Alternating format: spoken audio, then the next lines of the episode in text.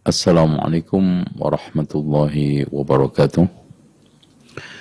إن الحمد لله نحمده ونستعينه ونستغفره ونستهديه. ونعوذ بالله من شرور أنفسنا وسيئات أعمالنا. من يهده الله فلا مضل له ومن يضلل فلا هادي له. أشهد أن لا إله إلا الله وحده لا شريك له وأن محمدا عبده ورسوله. قال الله عز وجل يا أيها الناس اتقوا ربكم الذي خلقكم من نفس واحدة وخلق منها زوجها وبث منهما رجالا كثيرا ونساء واتقوا الله الذي تساءلون به والأرحام إن الله كان عليكم رقيبا. وقال تبارك وتعالى يا أيها الذين آمنوا اتقوا الله حق تقاته ولا تموتن إلا وأنتم مسلمون. وقال عز وجل يا أيها الذين آمنوا اتقوا الله وقولوا قولا سديدا. يصلح لكم أعمالكم ويغفر لكم ذنوبكم ومن يطع الله ورسوله فقد فاز فوزا عظيما. فإن خير الحديث كتاب الله وخير الهدي هدي محمد صلى الله عليه وسلم وشر الأمور محدثاتها وكل محدثة بدعة. wa kulla bid'atin وكل wa kulla النار finnar. Ikhwan wa akhwat fillah, terutama para pegawai eh, Sivitas IHBS dan juga seluruh para pimpinan baik eh, yayasan, lembaga dan unit serta juga dewan guru, dan seluruh karyawan IHBS semoga Allah Subhanahu wa taala memberkahi antum, memberikan kesehatan antum di mana saja antum berada. Dan semoga kita semuanya mendapatkan ilmu yang bermanfaat. Allahumma inna nas'aluka ilman nafi'a wa rizqan wa amalan. Kita akan membacakan kitab Al-Asyir atau Al-Akhlaq Wasir karya Imam Ibnu Hazm rahimahullahu ta'ala. Satu kitab yang sangat memiliki banyak manfaat dan juga hikmah yang terkandung di dalamnya untuk meluruskan perilaku kita, akhlak kita. Kita mengambil tema dari bab yang kelima, yaitu hak-hak bersahabat. Dari faslun fil ikhwani was sadaqah wan nasihah.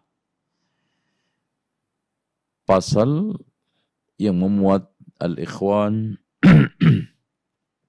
ya was sadaqah persahabatan wan nasihah ketulusan ada ukhuwah, ada ada sahabat, ada nasihat.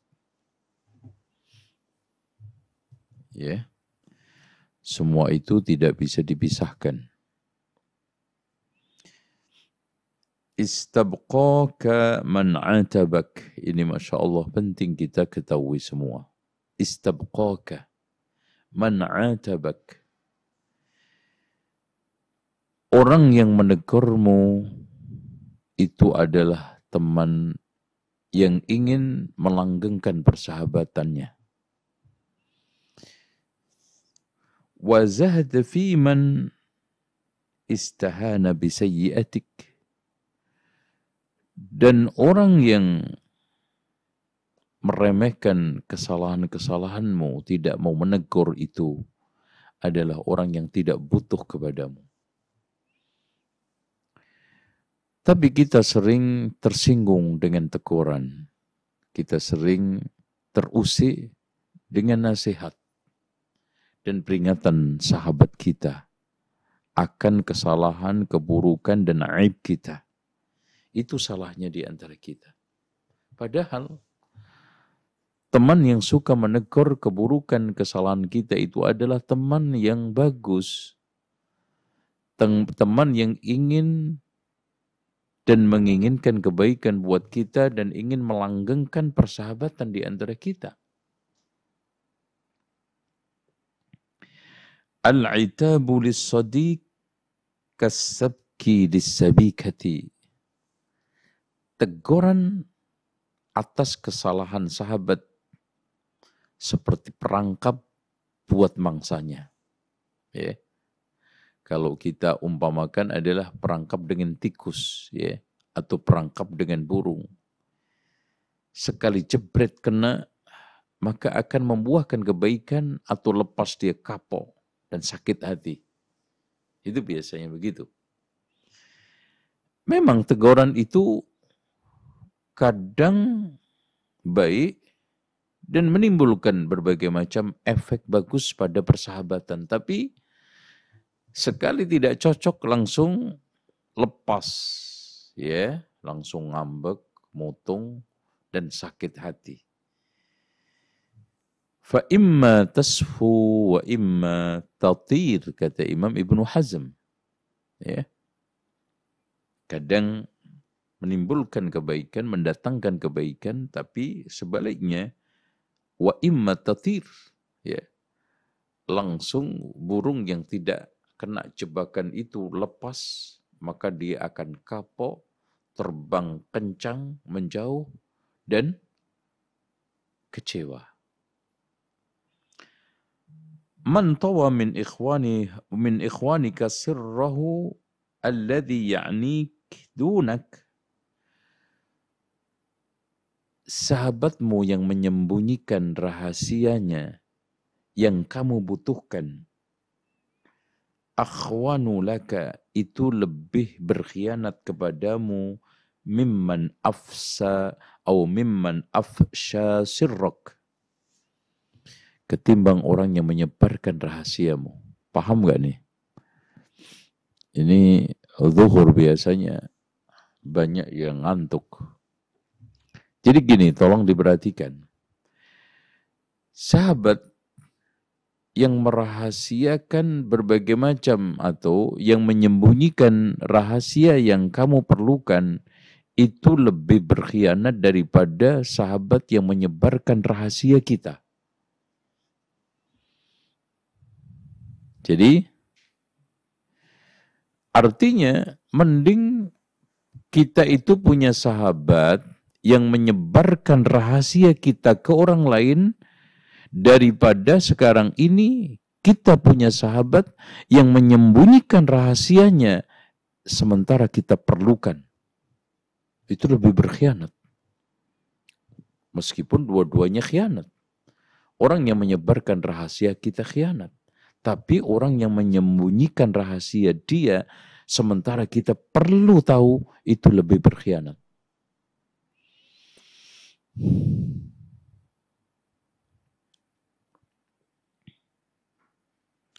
Contoh. Kita kasih contoh. Ya. Ada salah seorang yang ingin melamar akhwat. Sementara temannya, sahabatnya ini tahu seluk-beluk kekurangan kelebihannya akhwat tersebut. Ternyata dia tidak mau menceritakan. Itu lebih berkhianat daripada sekarang ini sahabatmu itu menceritakan aibmu, rahasiamu ke mana-mana. Gitu. Karena sebagai seorang yang ingin melamar akhwat atau ukhti fillah, ini sudah salah kaprah di dalam bahasa Indonesia. Jadi orang yang ingin melamar salah seorang perempuan itu butuh mengetahui seluk-beluk kondisi kepribadian akhwat itu. Sementara sahabatmu itu tahu kelemahan, kekurangan akhwat tersebut ternyata nggak mau cerita. Itu lebih berkhianat daripada sekarang kamu punya sahabat menyebarkan rahasia antum.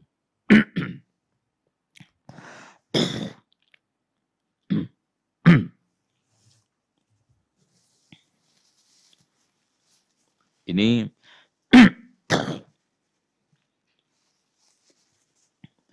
ini ungkapan Imam Ibnu Hazm cukup dalam.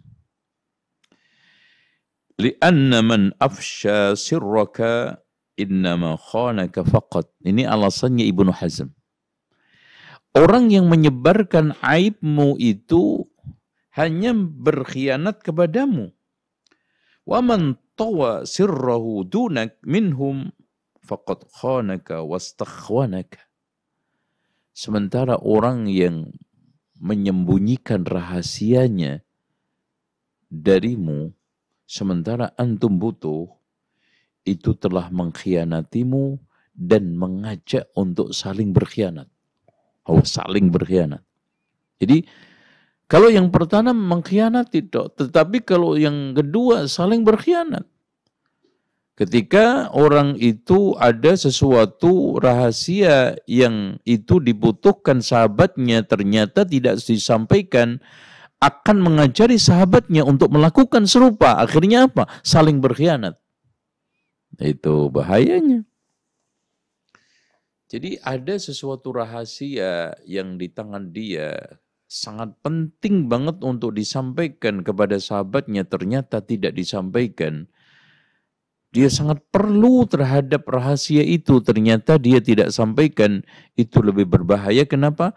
Karena di samping mengkhianatimu mengajak saling berkhianat di antara sahabat dan menjatuhkan marwah persahabatan otomatis itu. La targhab fi man yashadu fik. Jangan kita terlalu uh, condong kepada orang yang tidak perlu sama kita. Tidak care sama kita. Fatahsul alal khaybah wal khiz. Kita akan menyesal dan terhina. Jadi, di dalam persahabatan ini kita tidak perlu terlalu nyerang, terlalu eh, apa butuh, sementara dia nggak butuh. Kita terlalu menyerang sementara dia adem ayem. Jangan. Karena kita nanti pasti kecewa, menyesal. Gitu kan gitu. La tarkhafi man yazhadu fika. Jangan sekali-kali kita itu terlalu hangat, terlalu riang, terlalu menyerang kepada sahabat yang dia itu biasa-biasa saja. Yang dia itu dingin-dingin saja, bahkan rigid karena kita akan menyesal dan kecewa. Tapi sebaliknya, wala tashad fi man yarghabu fik. Jangan kamu bersikap dingin-dingin saja, biasa-biasa saja kepada orang yang sekarang ini hangat, riang sama antum. Fa'innahu babun min abwabid zulmi. Karena itu merupakan kezoliman kepada sahabat. Watarki muqaradatil ihsan. Dan tidak balas jasa, tidak balas budi. Tidak ada timbal balik. Tuh, ini hak persahabatan. Jadi jangan kita terlalu hangat, terlalu nyerang, terlalu apresiasi kepada orang yang adem ayem, dingin-dingin saja, bahkan rigid. Tapi kita juga tidak boleh dingin, rigid, dan juga eh, apa ya menunjukkan sikap acuh tak acuh kepada teman yang sekarang ini hangat, riang, dan menunjukkan persahabatan yang tulus. Kenapa? Karena itu kezoliman dan kita tidak bisa membalas jasa timbal balik dengan sahabat. Wahada qabihun itu adalah sikap yang tercela. Kata Imam Ibn Hazm. Oke. Okay. Manuntuhina bi an yukhalitan bi an yukhalitan nasa Siapa yang teruji harus bergaul. Harus bergaul. Dan memang kita harus bergaul. Karena Rasulullah Sallallahu Alaihi Wasallam bersabda, "Al-mu'minu alladhi yukhalitun nas wa yasbir ala adahum khairun min alladhi la yukhalitun nas wa la yasbir ala adahum." Orang mukmin yang sabar atas gangguan sesama manusia itu lebih dan bergaul sabar maka itu lebih baik daripada orang yang nggak gaul nggak sabar fala yulki biwahmihi kullihi ila man sahib. Nih. Jadi siapa yang harus bergaul, maka jangan sekarang ini lugu banget. Sehingga terbuka dan tidak menjaga jarak. Jangan.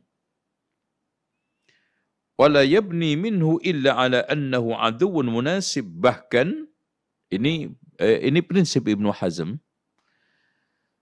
ketika kita itu bersahabat dan kita sudah akrab dengan siapa pun, maka kita harus juga siap dia menjadi musuh kita. Allahu Akbar. Allahu Akbar.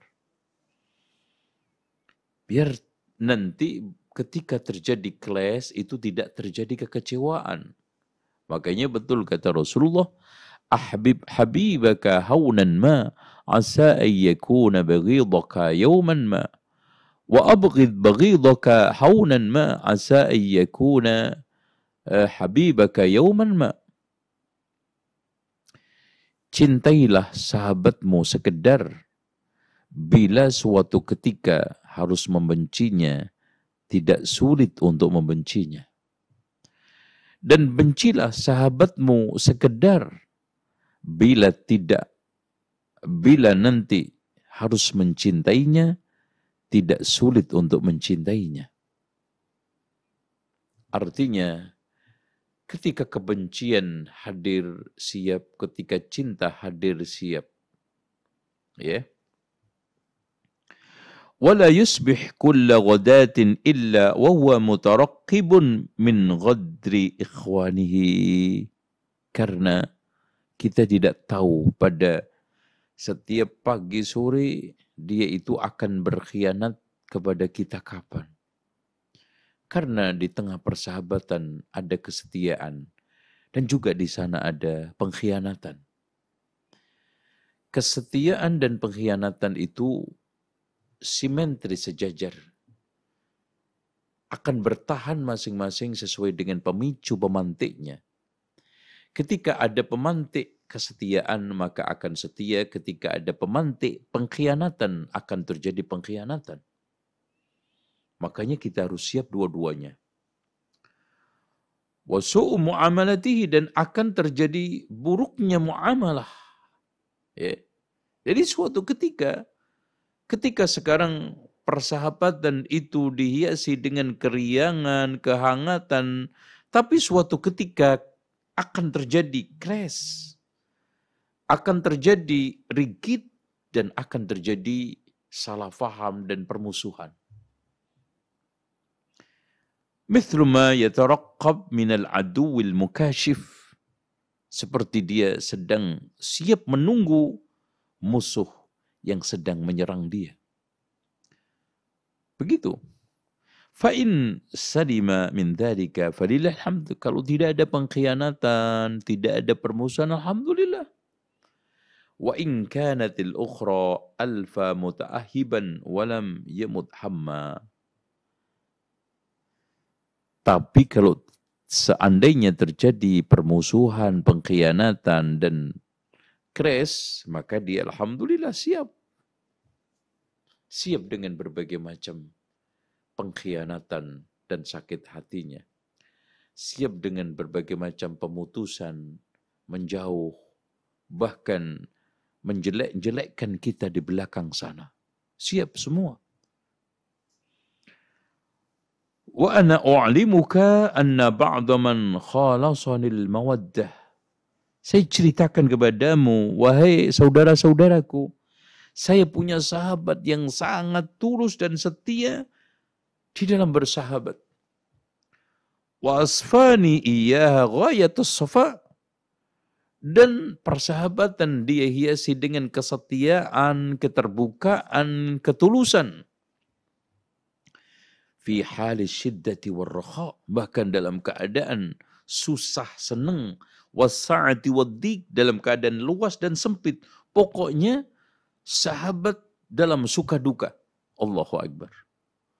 Wal ghadabu war saling bisa menerima dalam keadaan marah dan senang gelak tawa suka duka ya marah gembira taghayyara alayya aqbah taghayyurin ba'da isna asyara ama Masya Allah persahabat yang, persahabatan yang tulus persahabatan yang jujur persahabatan yang hangat putus begitu saja berubah sangat drastis setelah 12 tahun kata Imam Ibnu Hazm. Setelah 12 tahun. Setelah 12 tahun bersahabat penuh dengan kehangatan, kesetiaan, ketulusan dalam suka duka, dalam senang dan marah, dalam lapang dan sempit, ternyata berubah semuanya setelah 12 tahun. Allahu Akbar. Makanya kita siap senang, tidak senang, siap terus, siap putus, siap setia dan berkhianat, siap bersahabat dan bermusuh itu merupakan suatu syarat persahabatan. Dan ini juga mungkin kita alami atau dialami di antara para hadirin sekalian, para ikhwan sekalian, para sivitas akademis IHBS ya dan akan kita alami supaya tidak sakit hati siaplah dengan plan satu plan dua. Siaplah kita akan terus dia setia tapi juga dia akan berkhianat. Dia akan bersahabat tapi juga dia akan bermusuhan dengan kita. Karena musuh yang paling jahat musuh yang paling berbahaya adalah musuh yang berasal dari sahabat. Sahabat berubah menjadi musuh. Orang dekat menjadi orang yang jahat. Orang dekat yang membokong dari belakang. Orang dekat yang berkhianat. Waspadalah, waspadalah, waspadalah.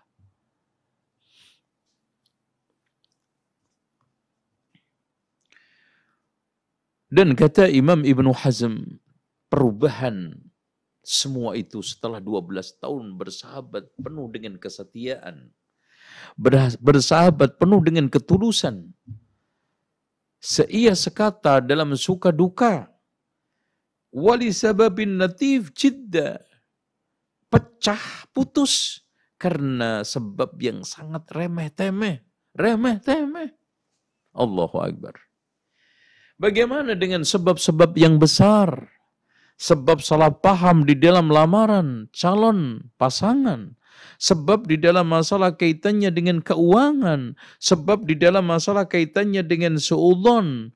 Fitnah di belakang. Pasti akan lebih dahsyat. Imam Ibnu Hazm bercerita dengan tulus pernah mengikat persahabatan dengan salah seorang hampir 12 tahun putus karena permasalahan yang sangat sepele remeh-temeh. Jiddan. Ma qaddartu qaddun an yu'athiru mithluhu min ahadin min. Saya nggak nyangka. Ya. Pers sebab itu menyebabkan putusnya persahabatan. Saya nggak nyangka sebab itu membuat dia itu harus benci selamanya kepada saya. Ya. Dan saya tidak menyangka. Ternyata sebab itu membuat dia itu berbalik 180 derajat. Subhanallah. Namanya hati ya ikhwan. Allahumma ya muqallibal qulub sabbit qulubana ala ta'atik. Wa ma saruha li ba'daha. Saya bercoba untuk mendamai berdamai dengan dia selamanya sudah tidak bisa lagi. Walaqad ahammani fi dzalika sinin katsiran hamman syadida yang membuat saya sedih dalam waktu yang sangat panjang, bertahun-tahun. Ya Allah. Masya Allah. Jadi Imam Ibnu Hazm sedih bertahun-tahun akan putusnya persahabatan. Yang dia tekuni selama 12 tahun dalam suka duka. Satu dengan yang lainnya saling mengetahui rahasia pribadinya. Ya, naik turun dalam kehidupan, suka duka dilalui bersama. Dalam lapang sempit, dalam marah dan ridha, dia jalani begitu tulus. Ternyata setelah 12 tahun putus dengan sebab yang remeh-temeh, akhirnya membuat Ibnu Hazm sedih, berduka. Dan rasanya di dalam hati ini bertahun-tahun akan putusnya persahabatan itu tidak bisa dihilangkan oleh Imam Ibnu Hazm. Sedih, ya. Duka, ya. Merasa kehilangan, sakit hati, ya.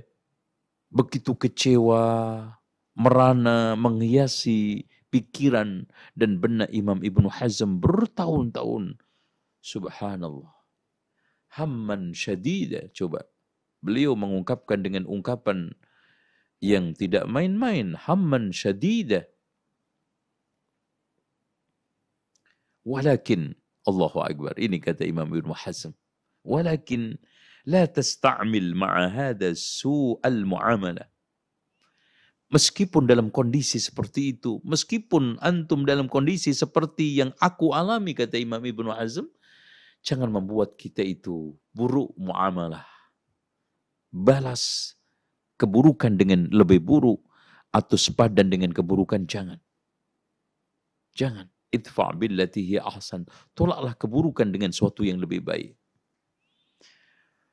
Fatulhaqa bidawi bidawi asyararah minan nas wa ahli al-khib'i minhum. Karena kalau antum balas dengan keburukan, maka akan terjadi satu klaim-klaim ya pikiran-pikiran negatif dari manusia. Antum akan dikatakan orang lain jahat banget sama temannya. Ya, buruk banget kelakuannya padahal dulu begini begini begini. Ah, gitu, Pak, ya. Orang itu Masya Allah, ya Allah, tega banget. Padahal kan sudah bersahabat 12 tahun. Padahal dulu kan ke mana-mana, satu mobil, ke mana-mana satu motor, jajan bareng, ke warung bareng, ke mana aja bareng. Sekarang Masya Allah, ke mana-mana jelekin dia, ke mana-mana memfitnah dia. Apa kata orang jadinya Pak? Kepada antum yang berwibawa. Jangan. Satu trik di dalam menyikapi putusnya persahabatan kata Imam Ibnu Hazm Jangan balas keburukan dengan keburukan atau lebih parah daripada itu. Karena antum akan mendapatkan justifikasi buruk dari manusia sekitar antum. Omongan buruk dan jelek di sekitar antum. Pandangan negatif di orang-orang sekitar antum. Walakin hahuna tariku wa'aratil maslak. Di sana ada suatu jalan yang memang sangat-sangat sakit. Syakatul mutakallaf. Berat memang. Itu berat. Menahan sakit rasanya. Berat rasanya. Ya. Sesak dasa, dada ini rasanya yahtaju salikuha ila ayyakuna ahda minal qita wa ahdar minal aq'aq. Bahkan dalam perjalanan hidup bersahabat ini, dalam kondisi putus seperti itu, kita harus lebih lihai daripada elang-elang yang terbang di di apa uh, angkasa sana dan juga gagak-gagak yang terbang di atas sana. Bahkan kita harus lebih waspada, lebih jeli, lebih pandai untuk mensiasati supaya kita tidak ngguling akibat terpaan angin persahabatan yang telah terkhianati. Ya. Jadi eh, elang itu terbang indah dengan berbagai macam angin kan? Kenapa? Karena dia waspada, karena dia hati-hati, karena sigap, kapan harus mengeraskan kepakan sayapnya, harus memelankan, dan bahkan harus memanjangkan, dan harus meng, meng, mengeraskan. Begitu juga burung-burung yang lainnya. Begitu juga ketika kita bersahabat dalam kondisi seperti ini. Kita harus menggunakan siasat yang cantik, elok, dan juga cara-cara yang beradab sehingga kita tidak jatuh harga diri marwah diri kita hatta yufariqan nas rahilan ila rabbi ta'ala sampai kita itu pergi kembali kepada Allah Subhanahu wa taala dalam keadaan selamat. Wa hadhihi tariq hiya tariqul fawz fid dini wad dunya. Itulah cara selamat untuk meraih kesuksesan dunia dan uh, akhirat agama dan dunia yuhrizu sahibuha safa'a niyati dawatin nufus salimah wal uqud sahihah. Kita akan memiliki hati yang selamat, hati yang bagus ya. Perjanjian yang sahih, kita tidak dituduh juga pengkhianat wal bara' minal makri wal khadi'ah. Kita tidak tertuduh orang yang menipu ya, pengkhianat, serupa juga ya penipu pengkhianat kan repot itu tukang makar wa yahwi fadailal abwa abrar bahkan kita mencematkan di kepada diri kita keutamaan-keutamaan orang mulia wa sajayal fudala dan juga kelebihan-kelebihan orang mulia.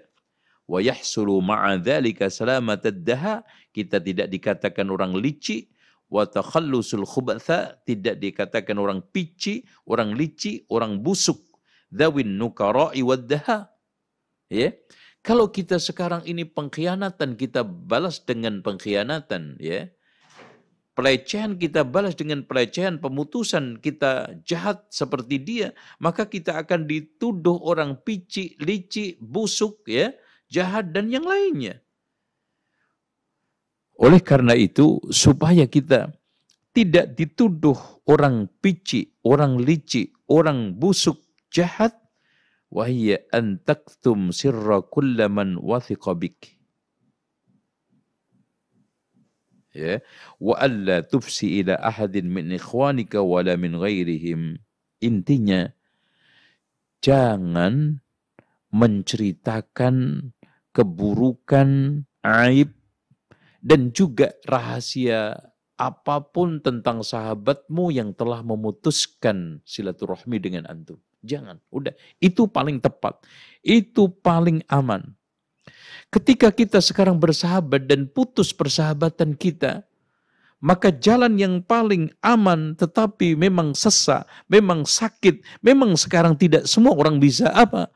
Jangan sekali-kali menceritakan aib teman antum, kejahatan teman antum, rahasia teman antum yang telah memutuskan silaturahmi dengan antum kepada siapa pun. Itu kuncinya. Udah itu aja.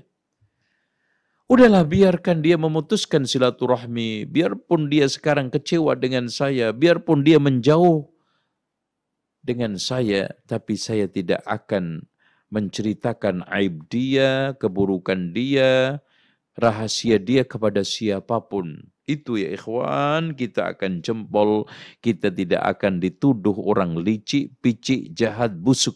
Bahkan sebaliknya kita akan menjadi orang yang mulia, lapang dada. Allahu Akbar. Wa alla tufshi wa alla tufshi ila ahadin min ikhwanika wala min ghairihim min sirrika ma yumakkinuka tayyuhu tayyahu biwajhin ma min alwujuh ya wa in kana akhassan nas bik ya, begitu juga kita tidak usah banyak bercerita tentang rahasia-rahasia kita. Terlalu dalam kepada sahabat kita, meskipun sekarang akrab, meskipun kita sekarang ini eh, apa namanya sedang hangat-hangatnya, jangan, ya. Apa pun alasannya, meskipun dia sekarang dekat, lengket, hangat, ya ibarat satu selimut. Ibarat teman lengket, teman karib. Wa anta fi di jami'i tamanak. Yang penting kita jaga amanah yang telah diberikan kepada kita. Wala ta'man ahadan ala syai'in min amrika tusfiku alai illa li daruratin la buddha minha. Jangan kita sekarang ini menaruh rahasia apa saja amanah kepada siapa pun kecuali dalam kondisi darurah fartad hina idin washtahid wa 'ala Allah ta'ala wa 'ala Allah ta'ala al-kifayah. Ya. Hina idin washtahid oleh karena itu usahakan bersungguh-sungguh berjibaku dan kita serahkan semua kepada Allah Subhanahu wa taala. Wallahu a'lam bisawab Terus kemudian wabdul fadla malika wajahi kaliman sa'alaka ulam yas'aluka. Berikan sisa-sisa hartamu dan kedudukanmu kepada orang yang mintamu dan memin tidak meminta kepadamu. Walikulli man ihtaja ilaika wa amkanaka naf'uh naf'ahu. Dan setiap orang yang membutuhkan dan memungkinkan untuk kita bisa memberikan manfaat wa illam ya'tamiduka birrakhbah meskipun dia enggak suka sama kamu. Wala tush'ir nafsaka intidhar muqaradatin ala dhalika min ghairi rabbik azza wajal jangan sekali-kali meminta balas jasa akan semua pemberian kita kecuali dari Allah. Itu kuncinya Pak. Apa pun yang kita berikan kepada sahabat kita kepada orang lain kepada orang dekat atau jauh suka tidak suka. Jangan berharap sedikit pun balasan dari orang-orang yang kita baiki. Jangan berharap balasan kebaikan dari orang-orang yang kita berikan kebaikan. Kecuali dari Allah subhanahu wa ta'ala. ولا تبني إلا على أن من أحسنت إليه أول مضر بك. Ketahuilah, bisa saja orang yang pertama kali kamu baiki akan membahayakan kamu pertama kali. Subhanallah. Akan menyakiti kamu di dalam hidupmu pertama kali. Ketahuilah. Kalau antum berharap kebaikan dan balasan, bukankah antum akan sakit? Bukankah antum akan kecewa berat? Karena bisa saja orang yang pertama kali kita berikan kebaikan-kebaikan melimpah ternyata pertama kali yang berkhianat kepada kita. Jelek kepada kita, jahat kepada kita.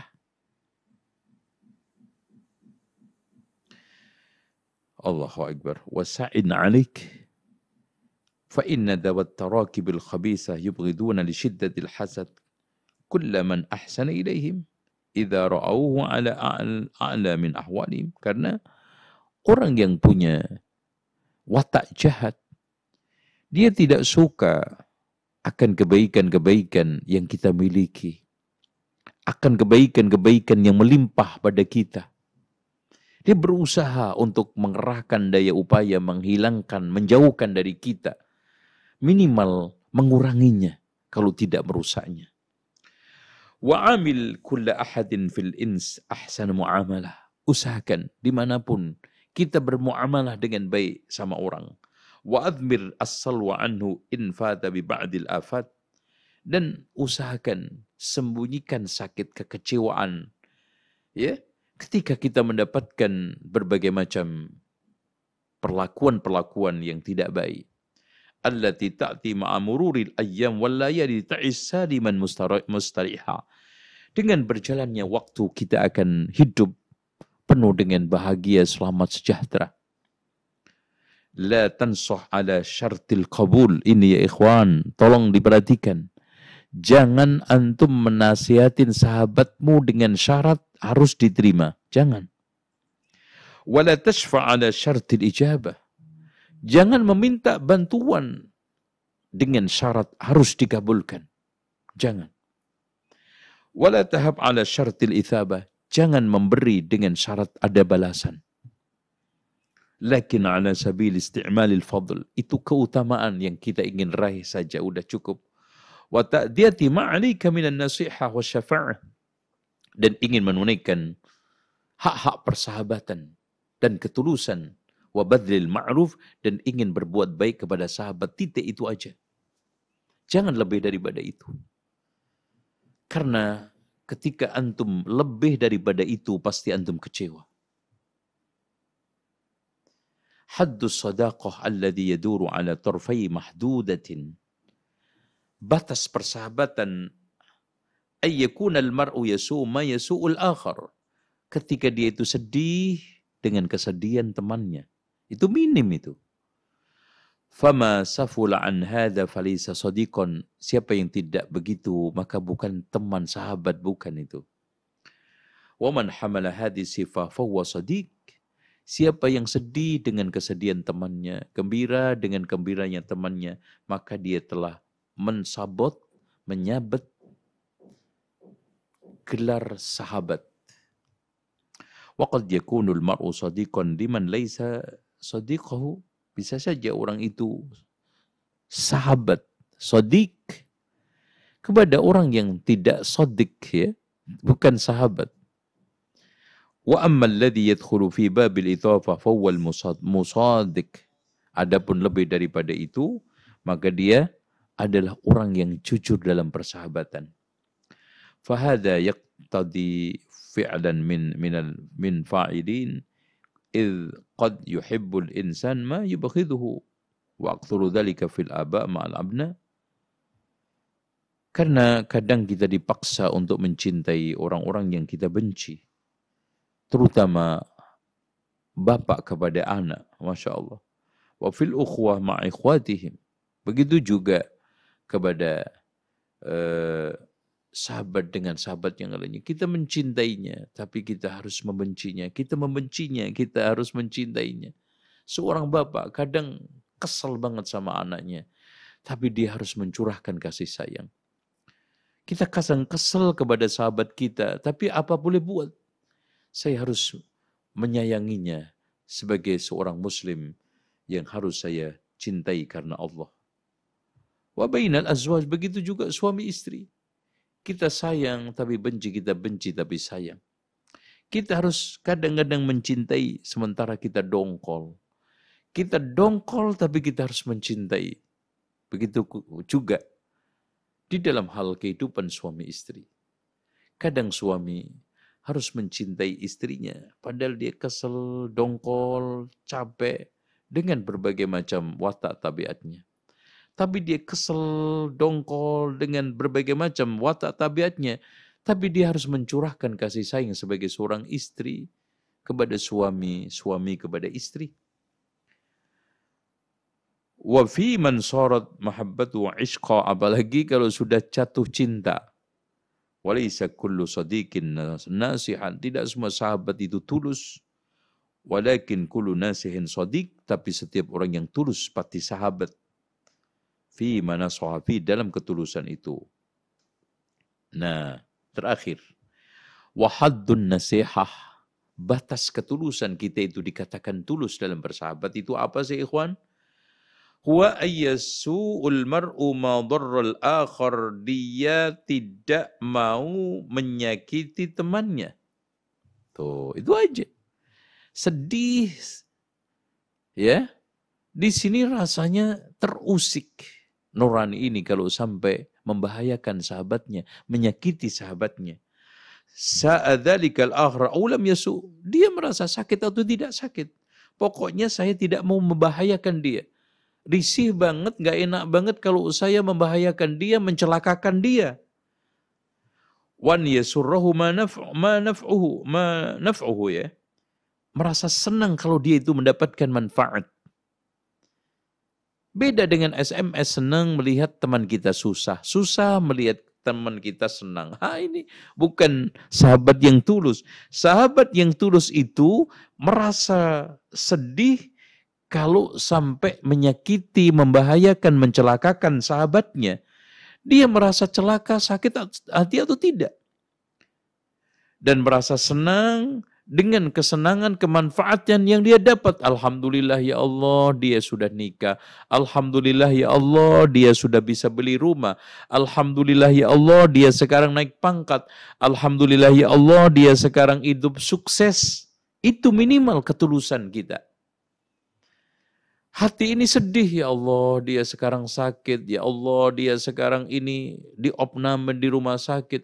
Ya Allah, dia sekarang ini punya permasalahan dengan anaknya. Bahkan dia ikhlas mendoakan, Ya Allah, berikanlah jalan keluar dari kesulitan-kesulitan yang dihadapi, dari sakit yang dia sekarang alami. Dia berusaha untuk itu. Itu namanya sahabat yang tulus, ya ikhwan. Fahada syartun fin nasiha zaitun ala syarti sodakoh. Ya, ini adalah lebih daripada sahabat.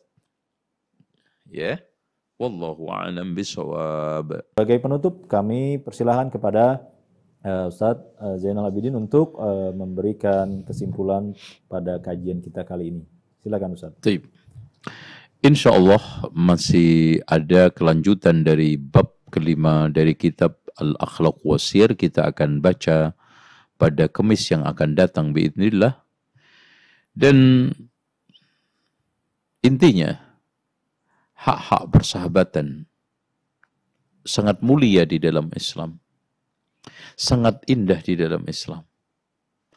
Persahabatan merupakan suatu bagian ibadah yang mulia dan sahabat itu harus kita maknai sebagai teman yang akan menghantarkan kita ke surga. Yang akan mendorong kita pada kemuliaan sampai akhirnya kita ketemu Allah dalam keadaan khusnul khatimah.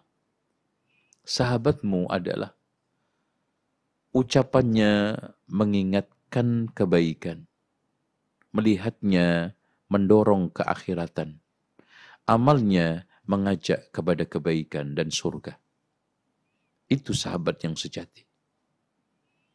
Sahabat yang jujur, setia, tulus adalah sahabat yang dia senang dengan kesenangan kita, sedih dengan kesedihan kita. Dia berusaha semaksimal mungkin tidak ingin menimpakan bahaya, kecelakaan, dan kerugian pada antum dan berusaha mati-matian untuk memberikan berbagai macam kemanfaatan, kebaikan pada diri antum dalam kehidupan antum. Itulah sahabat yang betul-betul karena Allah, demi Allah, dan akan mengajak kembali kepada Allah bersama-sama satu surga biidnillah. Demikian kita akhiri dengan doa kafaratul majlis. Subhanakallahumma wa bihamdika. Asyadu an la ilaha illa anta. أستغفرك وأتوب إليك والسلام عليكم ورحمة الله وبركاته.